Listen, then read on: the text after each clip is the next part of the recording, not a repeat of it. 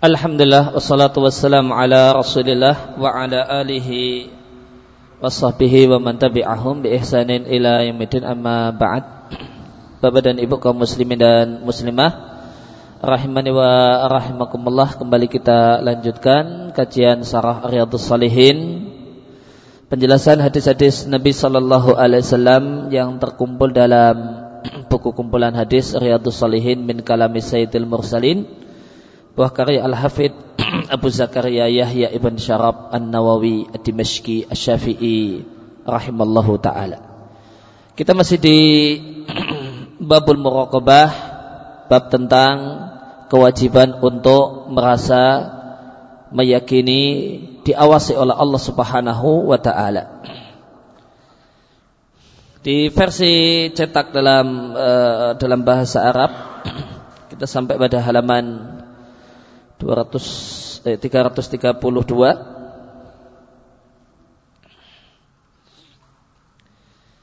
Maka di sini disampaikan oleh uh, pencara rahimallahu taala fa idza wufiqal 'abdu lil hidayah wal isti'anah maka jika seorang hamba mendapatkan taufik untuk mendapatkan hidayah wal isti'anah dan di samping itu dia meminta tolong kepada Allah Subhanahu wa taala agar bisa beribadah kepada Allah fi itari syariah dalam kerangka syariat. Fawalladhi an'amallahu alaihi maka dialah orang yang Allah beri anugerah kenikmatan Sebagaimana firman Allah, "Iyyaka na'budu wa iyyaka nasta'in, ihdinas shiratal mustaqim." Ya Allah, hanya kepadamu kami beribadah, hanya kepadamu kami minta tolong. Ihdinas shiratal mustaqim dan tunjukkanlah kepada kami jalan yang lurus. Itulah jalannya orang yang Allah beri nikmat. Maka berdasarkan dua ayat ini, maka orang yang diberi nikmat oleh Allah Subhanahu wa taala dengan nikmat yang sebenar-benarnya, nikmat agama adalah orang yang terkumpul padanya tiga hal. Yang pertama adalah ia karena abudu, dia adalah orang yang mendapatkan taufik untuk bersemangat beribadah kepada Allah Subhanahu wa taala. Kemudian wa iya karena stain, dia adalah orang yang tawadhu dalam ibadahnya dan tidak ujub tidak sombong dengan ibadah yang dia kerjakan karena dia menyadari bahasanya manusia dan kita bisa beribadah kepada Allah adalah karena Allah membantu kita, Allah menolong kita. Allah memberikan kemudahan kepada kita ya, untuk beribadah. Oleh karena itu wa iyyaka nasta'in. Hanya kepadamu kami meminta tolong. Yang ini buahnya adalah tawadu, kesadaran bahwasanya kemampuan untuk beribadah itu semata-mata anugerah Allah. Maka Allah lah yang memberikan hidayah untuk beribadah dan Allah lah yang membantu untuk bisa beribadah. Oleh karena itu atas alasan apa kita menepuk dada dengan ibadah yang kita kerjakan. Maka yang pertama adalah ia karena abudu mendapatkan hidayah untuk beribadah kepada Allah, kemudian yang kedua adalah wa iyyaka nasta'in. Menyadari kalau hamba itu tidak punya apa-apa sehingga dia minta tolong kepada Allah Subhanahu wa taala dan tidak ada alasan untuk sombong, ujub, takabur dengan ibadah-ibadah yang dikerjakan. Kemudian yang ketiga ihtinas siratal mustaqim. Dan dia adalah orang yang semangat beribadah tadi berada semangat ibadah ibadahnya adalah ibadah di atas siratal mustaqim. Di atas bingkai syariat. Di atas tuntunan Nabi sallallahu alaihi wasallam bukan ibadah dengan karang-karangan dengan mengada-ada namun semata-mata mengikuti tuntunan. Maka jika terkumpul tiga hal ini pada seseorang maka adalah orang yang mendapatkan orang yang mendapatkan nikmat Artinya la budda an takuna ibadah fi nafsi hadzal sirat al-mustaqim. Ya, maka tidak boleh tidak yang namanya ibadah itu harus di atas jalan yang lurus, yaitu jalannya Nabi. Bukan jalan buatan kita sendiri dan karangan kita sendiri dan suka-suka dan semau kita sendiri. Namun di atas jalannya Nabi itulah jalan yang lurus. Jika ibadah itu tidak di atas jalan yang lurus, maka ibadah itu tidak lagi menjadi sumber kebahagiaan dan sumber kebaikan, namun kanat dararan alal abdi. Itu akan jadi sumber malapetaka, sumber bencana atas orangnya. Maka inilah salah satu umurin inilah tiga poin. Yang tiga poin ini adalah jalannya orang-orang yang Allah beri nikmat. Oleh karena itu Allah katakan ihdinas siratal mustaqim siratal ladzina an'amta alaihim ghairil maghdubi alaihim waladdallin. Berilah hak kami, tunjukilah kami jalan yang lurus atau tegakkanlah kami dan istiqomahkanlah kami di atas jalan yang lurus jalannya orang-orang yang engkau beri nikmat bukan jalannya orang-orang yang dimurkai yang tidak semangat untuk beribadah yang tahu pentingnya ibadah namun tidak ya, merealisasikannya mewujudkannya. Waladhalin bukan pelajaran orang-orang yang semangat dalam beribadah.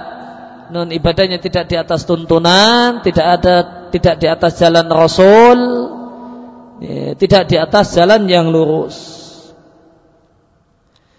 Kemudian ayat keempat yang disebutkan oleh An-Nawawi sebagai mukaddimah di bab muraqabah merasa diawasi oleh Allah adalah firman Allah. Di surat Al-Fajr ayat yang ke-14, "Inna rabbaka labil mirsad." Ya.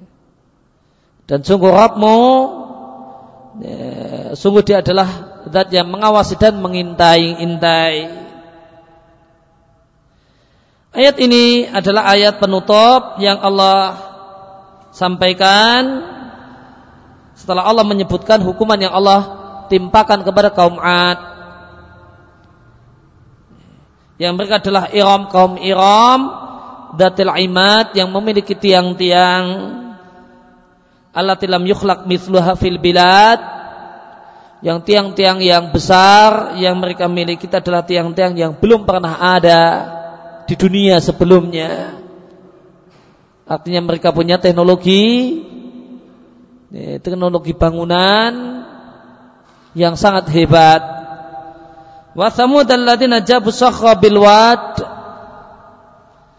dan kaum Samud yang mereka itu memahat ya, batu-batu besar untuk dibuat menjadi rumah.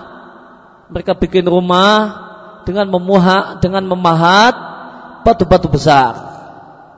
Bilwat, batu-batu besar yang ada di lembah.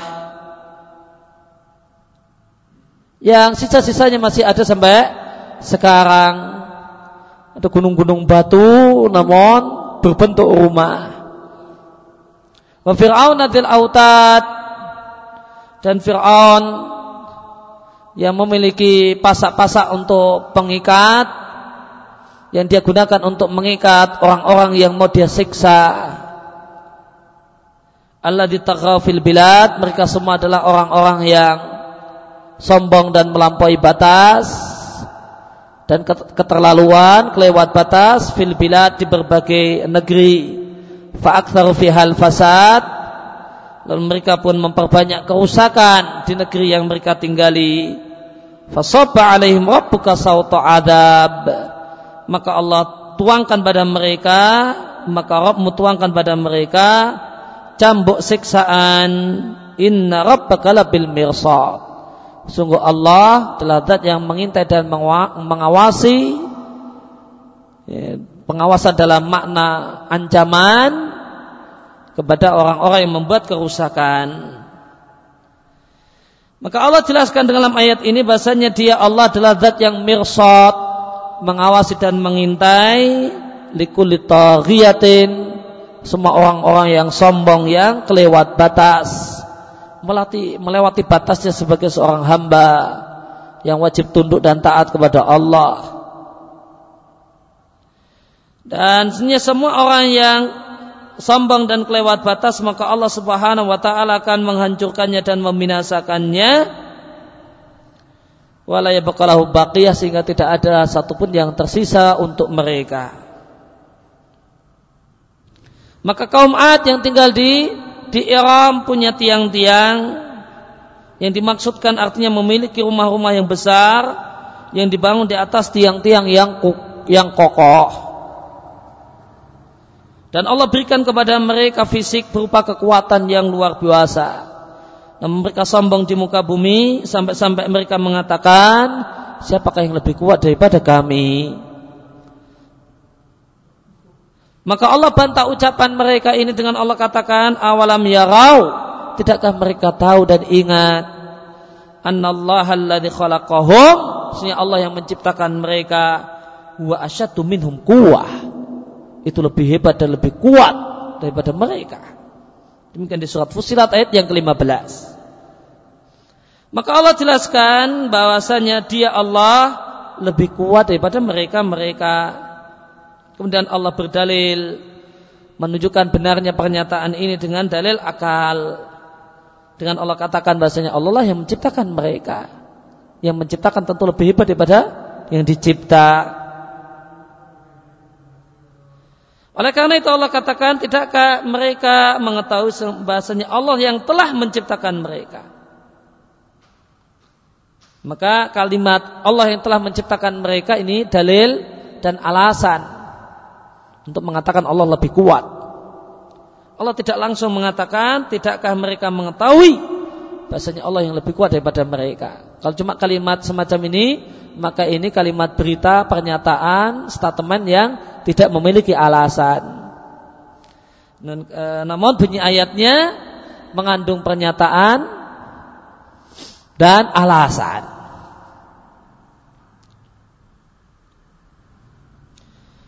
Maka Allah katakan, namun Allah katakan, tidakkah mereka mengetahui bahasanya Allah yang menciptakan mereka? Itu lebih kuat. Karena telah diketahui dengan akal sehat dan ini satu hal yang diterima oleh semua orang. Disepakati dan disetujui oleh semua orang. Ilman dorurian. Disepakati oleh semua orang. Semua orang yang masih punya akal sepakat. Bahasanya yang mencipta, yang membuat tentu harus lebih hebat daripada yang dibuat. Ya, kaidah akal. Ini, akal sehat mengatakan yang membuat itu harus lebih hebat daripada yang dibuat. Maka Allah yang menciptakan mereka tentu lebih kuat dibandingkan mereka-mereka kaum Ad ini. Fakanu bi ayatina yajhadun. Namun mereka adalah orang-orang yang keras kepala terhadap ayat-ayat kami. Maka Allah timpakan pada mereka kekeringan kemarau dan paceklik yang sangat luar biasa sehingga mendung tidak pernah menahan airnya dan tidak pernah menurunkan hujan maka kaum Ad ini kemudian airnya pun merengek-rengek meminta diturunkan hujan artinya mereka menunggu-nunggu dan berharap-harap bahasanya Allah memberikan hujan pada mereka. Maka Allah kirimkan pada mereka angin.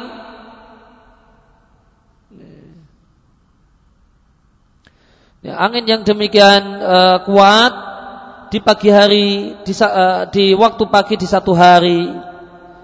Maka datanglah angin yang besar membawa uh, pasir dan debu. Yang pasir dan debu tersebut karena di bawah angin seakan-akan mendung yang pekat yang bertumpuk-tumpuk. Falamma Allah ceritakan di surat Al-Ahqaf, falamma ra'ahu aridan mustaqbila audiyatihi, maka tatkala mereka melihat aridan mendung Yang mendung tersebut mendatangi mau mendatangi lembah-lembah mereka. Dari kejauhan mereka lihat sesuatu yang gelap dan pekat ya, di udara. Mereka kira itu mendung yang pekat dengan membawa hujan yang deras. Kalau maka mereka kaum Ad ini mengatakan hada aridun mumtiruna. Ini mendung yang akan memberikan hujan kepada kita.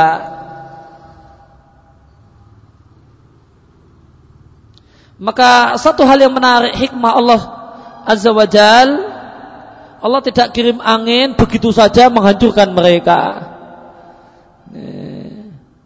Allah tidak mengirimkan siksaan berupa ya, belak-belakan mau dikirimi angin adab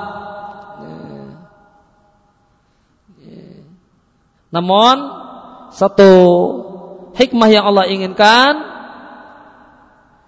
Ja'atum datang kepada mereka angin dalam keadaan mereka berharap-harap.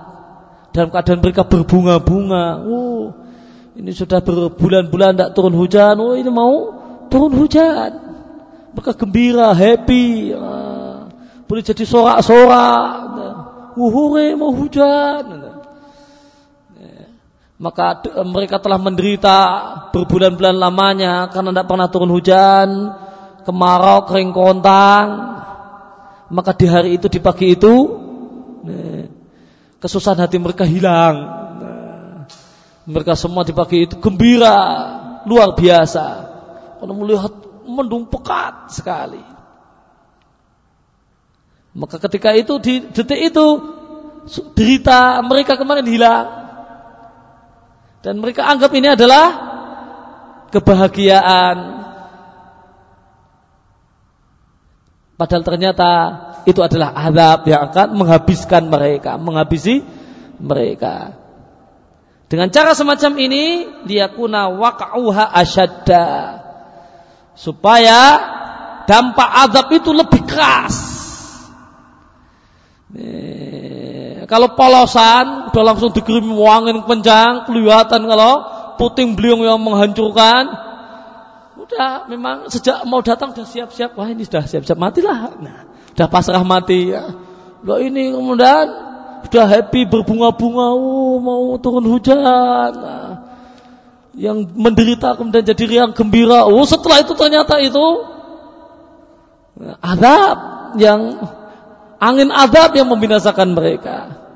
Maka mereka tidak bersiap-siap mati ya, mau bersiap-siap hidup makmur, gembira, senang. Nah, sudah happy, sudah berbunga-bunga. Nah, ternyata itu azab dan racun dan bukan bunga. Nah, padahal sudah terlanjur berbunga-bunga. Maka ini tentu pengaruh dampak azabnya tentu lebih menyakitkan. Syai'un akbal ada sesuatu yang datang lalu mereka kaum Ad ini mengira kalau itu adalah angin yang akan membawakan hujan untuk mereka. Faidah rihun ternyata itu adalah angin puting beliung yang menghancurkan mereka. Maka jika azab itu datang dalam keadaan manusia yang dikirimi azab itu malah ya ta'amal malah berangan-angan. Berangan-angan kalau hilangnya kesusahan yang ada pada diri mereka. Maka azab semacam ini asyad a'zam wa a'zam. Azabnya lebih keras dan lebih keras daripada yang langsung polosan kelihatan itu azab.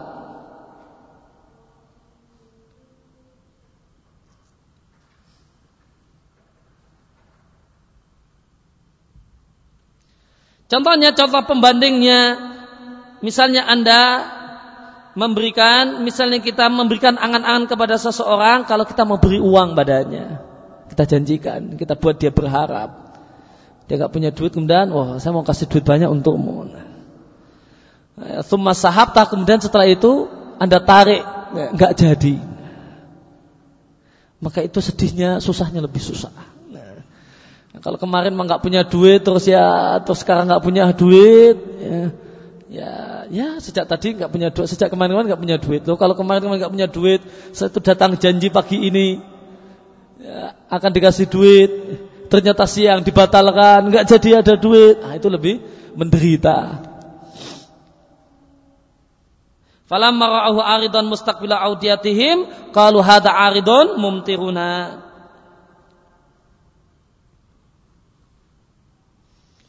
Maka mereka mengatakan ini adalah mereka mengira itu adalah mendung hujan, mereka mengatakan ini adalah mendung yang akan memberikan hujan pada kita. Ya karena mereka kaum Ad ini mereka menantang nabinya, mereka mengatakan jika kamu punya adab, datangkan adabmu. Jika kamu memang betul seorang nabi. Maka datanglah kepada mereka kaum Ad ini rihun fiha adabun alim angin puting beliung yang terkandung dalamnya seksaan yang sangat menyakitkan. Tudammiru kulla syai' bi amri rabbiha.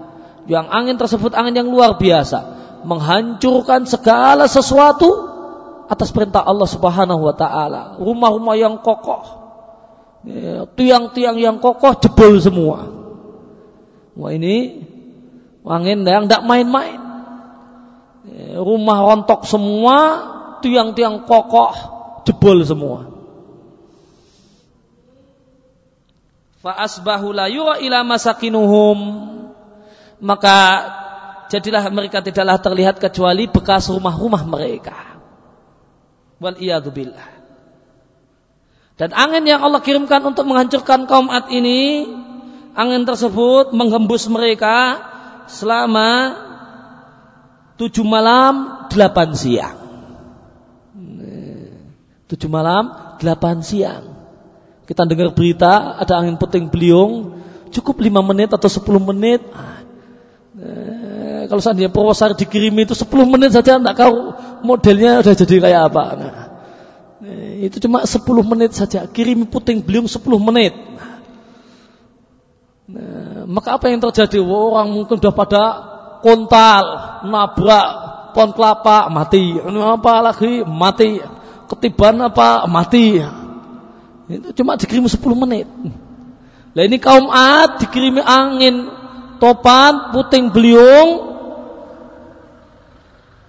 tujuh malam delapan siang. Tujuh malam delapan siang.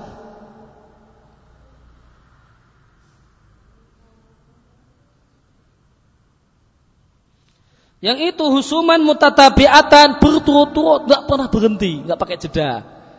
Nah, angin puting belum tadi berturut-turut itu nggak pakai jeda. Tujuh malam delapan siang itu nggak pakai jeda, nggak kemudian bertiup setengah hari, kemudian break dulu anginnya. Nah, sampai sore nanti malam datang lagi ndak angin tersebut mutatabiatan berturut-turut berhembus. Tidak bisa kita bayangkan kayak apa. Ini, kita lihat berita di televisi atau di koran, ah, angin sebentar saja sudah menghancurkan segalanya. Yang ditumpuk-tumpuk, yang ditabung-tabung 10 tahun, 20 tahun habis semua. Ijazah yang dicari susah-susah hilang entah ke mana. Sekolah susah-susah hasilnya dapatnya ijazah kuntal semua di bawah angin. Entah ke mana. Itu cuma berapa menit sejelah ini berturut-turut tujuh malam delapan siang. Kayak apa keadaan kampung tersebut? Qati'atan didabirin untuk menghancurkan mereka. Tahsimum hasman betul-betul menghabisi mereka. Jadi disampaikan summa inna tahmilul wahid minhum. Angin tersebut di antara kekuatan angin tersebut ada satu dari mereka yang dibawa angin tadi. Ila inani sama sampai mendung. Ada seorang yang dibawa angin, angin puting beliungnya kaum Ad ini dibawa sampai mendung sana. Setelah itu summa tarmi bikum dan dicampakkan oleh angin tadi. Dibanting ini terjun payung kan? Terjun payung tapi nggak pakai payung kan? Kalau terjun, lah ini pakai didorong angin segala. Tumma tarmibi untuk kemudian dicampakkan orang tadi. Setelah dibawa naik sampai Inan, sampai mendung asama yang ada di atas yang ada di atas sana. Fasau ka'annahum ajasun nakhlin khawiyah. Maka jadilah mereka semua ya, bagikan batang-batang pohon yang batang-batang pohon korma yang kopos. Ai mithlu usulin nakhli al khawiyah yaitu sepi, uh, semisal batang-batang pohon korma al khawiyah yang kopos multawina ala durihim kahayatis sujud dalam keadaan mereka itu ya, ditekuk uh, punggung-punggung mereka kahayatis sujud seperti orang dalam keadaan bersujud. Maka semua setelah itu berhenti angin tujuh uh, uh, uh, tujuh, uh, tujuh malam delapan siang tadi berhenti maka yang terlihat korbannya Allah paksa mereka Allah jadikan punggung-punggung mereka itu tertekuk sehingga berbentuk seperti orang-orang yang bersujud.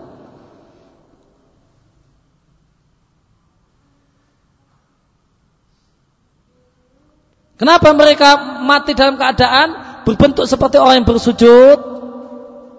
Li'annahum yuriduna ayatakhallasu min hadhihi Maka mereka ingin menyelamatkan diri dari angin ini boleh jadi dan dengan merunduk dengan berbentuk sebagaimana orang yang bersujud sambil pegangan apa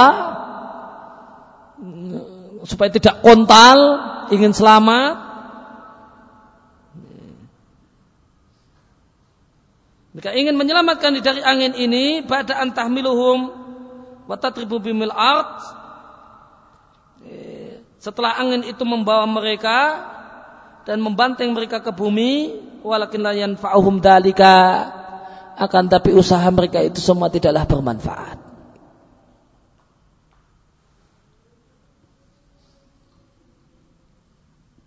Di ayat yang lain ketika Allah menceritakan adab untuk kaum Ad Allah katakan farsan alaihim rihan sarsaran. Maka kami kirimkan kepada mereka angin puting beliung. Fi ayamin nahisatin selama beberapa hari yang naas untuk mereka naas itu diambil dari bahasa Arab nahis. Masuk bahasa Indonesia jadi naas.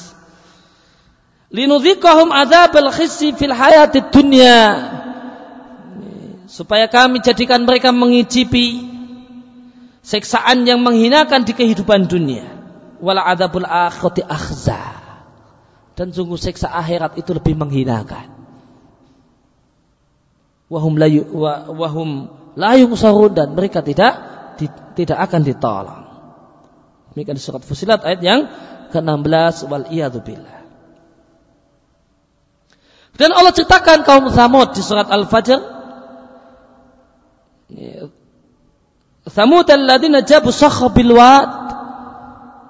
Dan ingatlah kaum Samud yang mereka adalah orang-orang yang punya teknologi yang luar biasa. Yang gunung padas itu bisa mereka jadikan sebagai istana. Gunung padas, gunung batu, batu padas, dengan keahlian mereka itu jadi istana Mekah. Rumah mewah. Teknologi kaum Samud yang tidak bisa ditandingi oleh manusia sampai zaman ini. Orang kita zaman ini bisanya apa? Gunung Padas dihancurkan. Nggak bisa dimanfaatkan jadi istana kemudian nanti wah itu bisa jadi uh, daya tarik wisata itu kalau bisa Gunung Padas dibikin istana. Nah, tidak bisa orang sekarang. Eh, bisanya meledakkan granit dan sebagainya hancurlah gunung ini karena mau dibuat jalan atau yang lainnya. Namun mereka anda gunung-gunung padas, gunung padas itu dimanfaatkan menjadi rumah mewah dibuat dan ini kemampuan yang luar biasa. Fahum aidan indahum utuwan wa turian maka kaum Samud adalah orang-orang yang ya, Utuwun adalah orang-orang yang keras kepala, waturian dan kelewat batas, watahadin nabihim dan nantang-nantang nabinya. Hatta qalulahu sampai-sampai kaum Samud berkata kepada nabinya,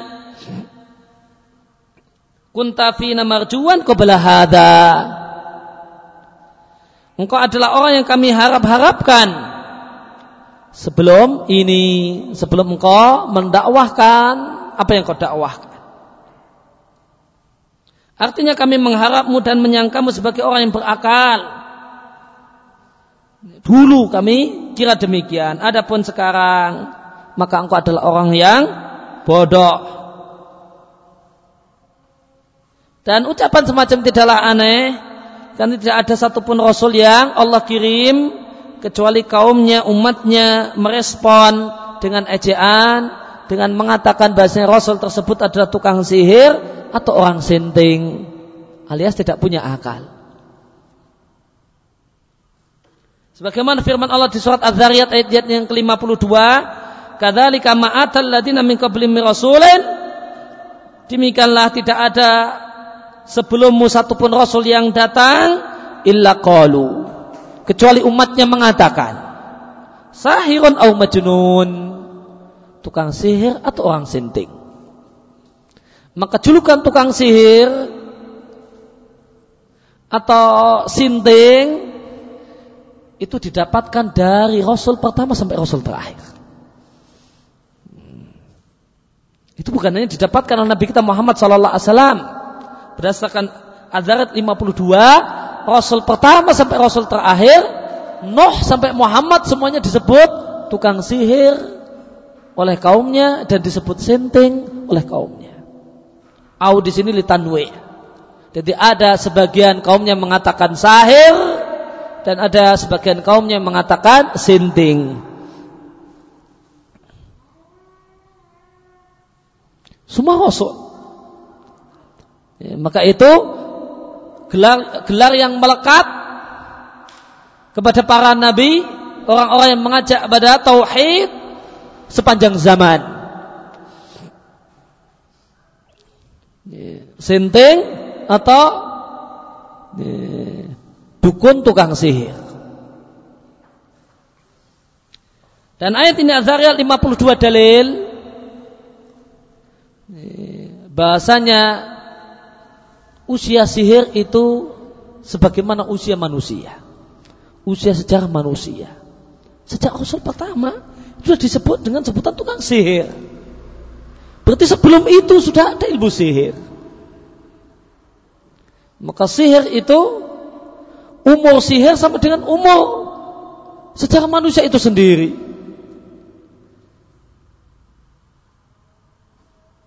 Maka kemudian Nabi Saleh pun memberikan tempo untuk mereka tiga hari. Silahkan tunggu tiga hari. Nabi Soleh menjawab tantangan mereka mana tantangan azab kalau kamu betul-betul Nabi. Maka Nabi Saleh mengatakan tamat ta'ufidarikum salah satu ayam. Silahkan kamu senang-senang. Tapi senang-senangnya cuma tiga hari. Dalika wa'dun ghairu makdub dan ini adalah janji yang tidak bakal meleset. Cuma tiga hari saja. Setelah itu hari keempat, hancur kalian. Nikmati sendiri kalau tidak percaya. Ini perkataan Nabi Soleh kepada kaumnya, kaum Sam. Maka setelah genap tiga hari berlalu. Sejak ucapan Nabi Soleh alaihi salatu wassalam. Irtajabat Arab maka guncanglah terjadilah gempa yang hebat menimpa mereka.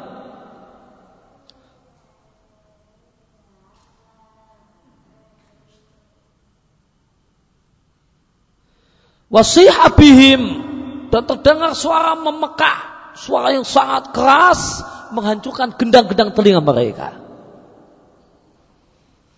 Yang membuat tuli mereka semua. Fa'asbahu jadilah mereka kaum kaum Samud ini kahasimin muhtadar.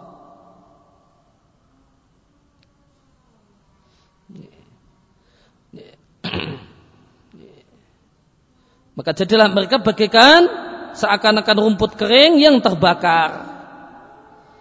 Artinya maksudnya misla sa'afin nakhli idza talat ailil mumadda sebagaimana tangkai eh, pohon kurma eh, ketika lama berada di atas kalau bahasa kita mungkin semacam tangkai pohon eh, kelapa yang lama di atas pohon maka yang terjadi lama-lama hitam kelam seperti terbakar Ka'anam hasimun sehingga seakan-akan dia adalah rumput kering yang terbakar.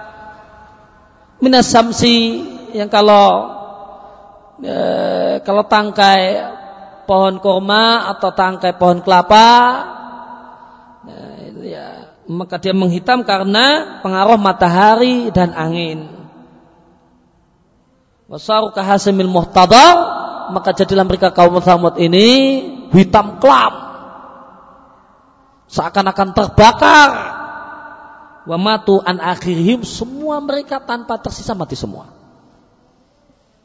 Hmm, bahasa Arabnya matu an akhirihim itu artinya semua mati semua sampai yang akhir sampai bayi-bayinya mati semua. Tanpa tersisa satu pun itu kaum Samud yang tadi kaum Ad Kemudian di surat Al-Fajr Allah menceritakan tentang Fir'aun. Dan tahukah anda siapa itu Fir'aun? Itulah seorang manusia. Jabar yang bengis, semutakabir yang sombong. Yang dia itu tarak lewat batas. Dan dia mengingkari adanya Allah, adanya sang pencipta azza wa jalla Sampai-sampai dia berkata kepada Musa, Ma'rabul alamin. Siapa itu Tuhan semesta alam? Dan sampai-sampai dia berkata kepada kaumnya, tidak ada bagi kalian sesembahan selain diriku. Na'udzubillah. Dan Fir'aun pun berkata kepada Haman menterinya, buatkanlah untukku sohan, ai binaan aliyah, menara bangunan yang tinggi. La'ali ablughul asbab Semoga dengan ada bangunan menara yang tinggi itu sebut aku bisa sampai di jalan-jalannya langit. Asbabas samawat, jalan-jalannya langit, fa'atali'a ila ilahi Musa. Sehingga aku bisa melongok melihat Tuhannya Musa. Yakuluhu tahakuman dia mengucapkan ucapan ini dengan nada ejaan. Wal billah wa inilah adunnuhu kadiba dan aku meyakini bahasanya apa yang dikatakan oleh Musa adalah satu hal yang bohong. Ya maka ini dalil menunjukkan bahasanya di antara hal yang didakwahkan oleh Musa kepada Fir'aun, Allah itu ada di atas sana. Di antara hal yang didakwahkan oleh Musa kepada Fir'aun, Allah itu tidak di mana-mana. Non Allah itu di atas sana. Oleh karena itu maka ketika Fir'aun mau ngecek Musa, gimana ejekannya Fir'aun? Hei Haman, bangunkan menara tinggi. Aku tak naik sana, tak mau longok uh, tak mau melihat Tuhannya Musa. Ya. Dia tidak mengatakan buatlah uh, gerongan ke tanah yang dalam, mak tak lihat Tuhannya Musa kayak apa. Nah. Nah. Namun dia mau ngejek Musa dengan kalimat semacam itu. Ini menunjukkan apa yang didakwakan oleh Musa kepada Fir'aun. Di antara poin dakwah yang didakwakan oleh Musa kepada Fir'aun, Allah itu ada di atas sana dan tidak di mana-mana. Karena itu ajaannya bangunkan menara tinggi yang biar sampai sampai langit. Saya mau lihat Tuhan yang Musa. Tuhan yang dibilang oleh Musa. Berarti Musa bilang Tuhannya ada di atas sana. Sehingga perlu menara untuk ngelongok dan melihat Tuhannya Musa. Ya demikian yang kita baca kesempatan malam hari ini. Wassalamualaikum Nabi Muhammadin wa ala alihi wasallam. Wa alhamdulillahi alamin. Subhanaka Allahumma wa bihamdika asyhadu an la ilaha illa anta astaghfiruka wa atubu ilaik.